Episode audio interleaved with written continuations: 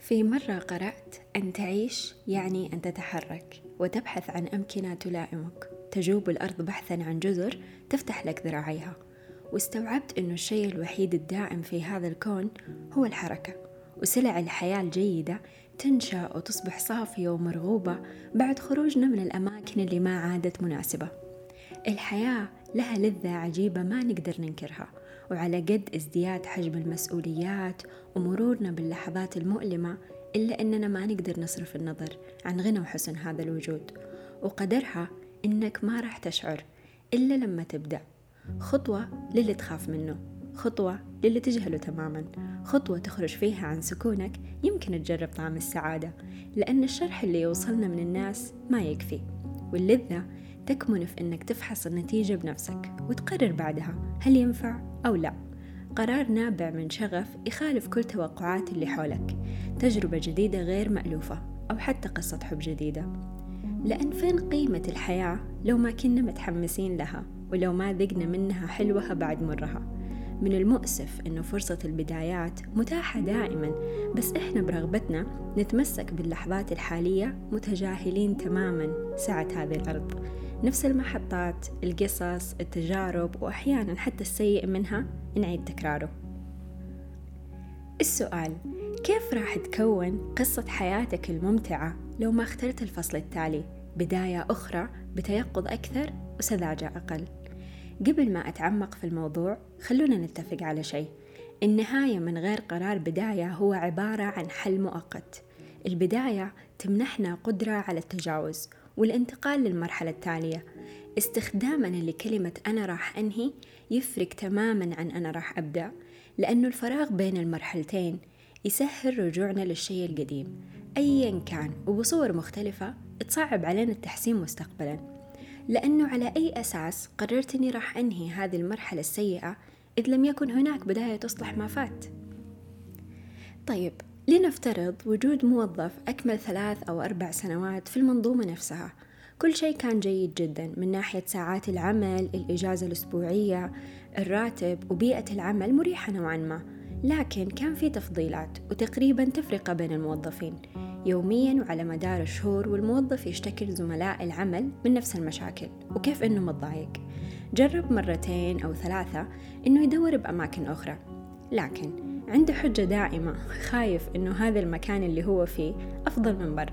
من باب اصبر على قردك لا يجيك اللي اقرد منه. اتعود على الشكوى لأنها بالنسبة له أريح بكثير من أنه يتحرك ويدور على حل سواء بنفس المكان أو حتى يختصرها ويطلع. سبب لبعض الأشخاص الموجودين طاقة سلبية وتقريبا غير نظرتهم عن المكان مع أنه ما كانوا يشوفون فيه شيء. طالما مر كل هذا الوقت وما بحث عن حل راح يطول. وكل هذا تدرون إيش ماخذ؟ ماخذ كل طاقته إبداعه ونفسيته الحلوة وحتى فرص إنه يتطور بالجوانب اللي تحتاج تطوير صارت شبه معدومة. الحركة الأولى صعبة. كمثال يواجه إدارته يعطيهم المشاكل مع حلولها عشان يسهل المهمة حتى عليهم. يمكن هم فعلا مو شايفين. الحركة أفضل بكثير من إنه أيام العمر تمر وإنت تحمل نفس المآسي وما في شيء يكبر معاك إلا الشكوى. وأحيانا الموضوع يكون بسيط يحتاج وجود حل لكل مشكلة حالية. لو مثلا أنا طريقة استعمالي للمال خاطئة جدا دايما ما أنجح في اختباراتي أو حتى علاقاتي ما تدوم. ما في شيء يصير بدون سبب. ميزانية محددة لطلعات الشهر. خلصت ميزانيتي يعني ما في طلعة. أنا ما أنجح لأن ما عندي رغبة بهذا المجال. أختصرها عليك عدم وجود رغبة يساوي عدم وجود وقت وعدم استيعاب. حدد النتائج اللي راح تحصل عليها إذا أهملت الدراسة وبعدها قرر. علاقاتي ما تدوم لأني ماشي مع ناس عكس اتجاهي. امشي مع اللي يناسبك من البداية. المجاملة لها وقت محدود وتنتهي. ولو حتكلم عن جوانب ثانية في الحياة بعض الأحيان العاطفة تكون آفة. تخلينا نروح بمسارات ما كانت حتى تخطر على بالنا.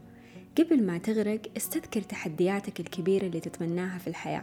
حياة كريمة تكوين أسرة كفاية واستقلالية مالية أو حتى تحقيق ذات.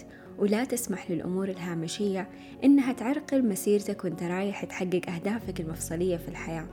في أشياء نقدر نعديها ونلم الليلة وفي أشياء لا. الآن لازم تتقفل صفحتها. أنا معاكم أنه بعض القرارات اتخاذها مؤلم بس لما نستشعر حلاوة الصورة النهائية اللي نطمح لها في حياتنا راح يصير الانفصال أسهل من المقاومة. وعن الفرص الجيدة اللي ضاعت بسبب الخوف أو من تعليق كلام الناس إحنا لوحدنا ندري عن مدى حاجتنا للفرصة اللي تجي بطريقنا وكلنا نتذكر فهاوتنا عند أول مرة من أي شيء جديد نسويه وبعدها نتعلم والأمور تضبط. إذا كنت في حالة من الخسارة الآن إيش اللي يمنعك من أنك تجرب الفرصة المتاحة قدامك؟ يعني حتى لو خسرت ما راح يفرق كثير. صحيح أنه بعض التغيرات الكبرى تأتي بعد تراكمات وخبرات لكن في الأساس هي تبدأ في لحظة ما. ممكن لحظة غضب ملل من إعطاء الفرص أو حتى استيعاب أني أستاهل أفضل. ومع الوقت هذه اللحظة الصغيرة تتحول إلى مسيرة كاملة سواء قررت أنك تترك الشغل أو حتى أنك تسعى وتحسن العيوب الموجودة حاليا في الحياة. إحنا لنا كامل حرية الاختيار في البقاء داخل الاضطرابات الحياتية اللي قاعدين نعيشها وكلنا نملك على الأقل اضطراب واحد. الفرق في اللي يكون مستمتع بالمشقة وفي اللي يرفض تماما ويحاول يبحث عن بديل أفضل. وعشان أعدل بين الجانبين ما ينفع نبدأ فصل جديد على البركة بدون قرار واضح أو بسويها وبشوف إيش يصير بعدين. أحيانا المأساة الكبيرة تبدأ بقرار صغير متغافلين فيه عن حاجات كثير. ليه نورط أنفسنا بأشياء أكبر مننا وما نقدر نكمل فيها. بعيدا عن زيادة خبراتك في الحياة في قرارات نتائجها تكون عبارة عن تعطيل في الوقت أو عقد نفسية. إذا مو لنا لغيرنا. قبل ما تقول أنا موافق اسأل سؤال واحد. هل فعلا أقدر عليه أو ما أقدر؟ وقيسوا على ذلك أشياء كثير. بدأت بقرار صغير وانتهت بشكل سيء جدا لأنها ببساطة أكبر من قدرتنا. إذا كان الفعل منسجم مع القول ينبني شيء اسمه ثقة. من خلال الثقة نعترف بعيوبنا وندافع عن قيمنا ونتحمل مسؤولية أخطائنا.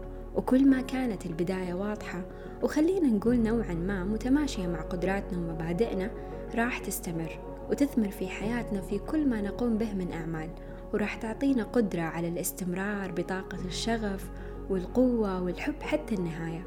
بس إذا كانت بدايتي متخبطة أصلا ومن داخلي شعوري مو أكيد اتجاه الشيء اللي راح أبدأه الآن طبيعي راح أوقف عند نقطة ما وما راح أستمر. طيب كيف أنتقل لمرحلة جديدة أو أتجاوز شيء انتهى؟ يبدأ من استيعاب شيء بسيط جدا. أنت في الحاضر. هذا يعني أنه لازم ما نلتفت للخلف لا للهفوات القديمة ولا للأخطاء ولا حتى للتجربة السيئة. هذه الالتفاتة تكلفنا الكثير. أعطي كل شيء حقه ووقته من الزعل الغضب واستيعاب الأخطاء وتلخيص الدروس وبس. الذي جعل لكم الأرض مهدا. وجعل لكم فيها سبلا لعلكم تهتدون. سعة هذه الأرض لا تنتهي وإذا اللي بيدك الآن شيء سيء والشعور الوحيد اللي تملكه اتجاهه هو عدم الراحة اتركه. ومن بعد ذلك التركيز يكون على شيء واحد فقط على المسار اللي راح ينقلنا إلى أفضل ما فينا. المحرك الأقوى لدى الإنسان هو إحساسه بالحاجة.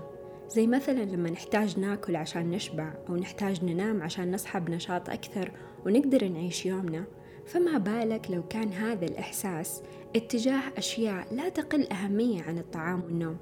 أقصد فيها الأشياء اللي تسمح لنا نعيش في العالم بحياة نستحقها فعلا.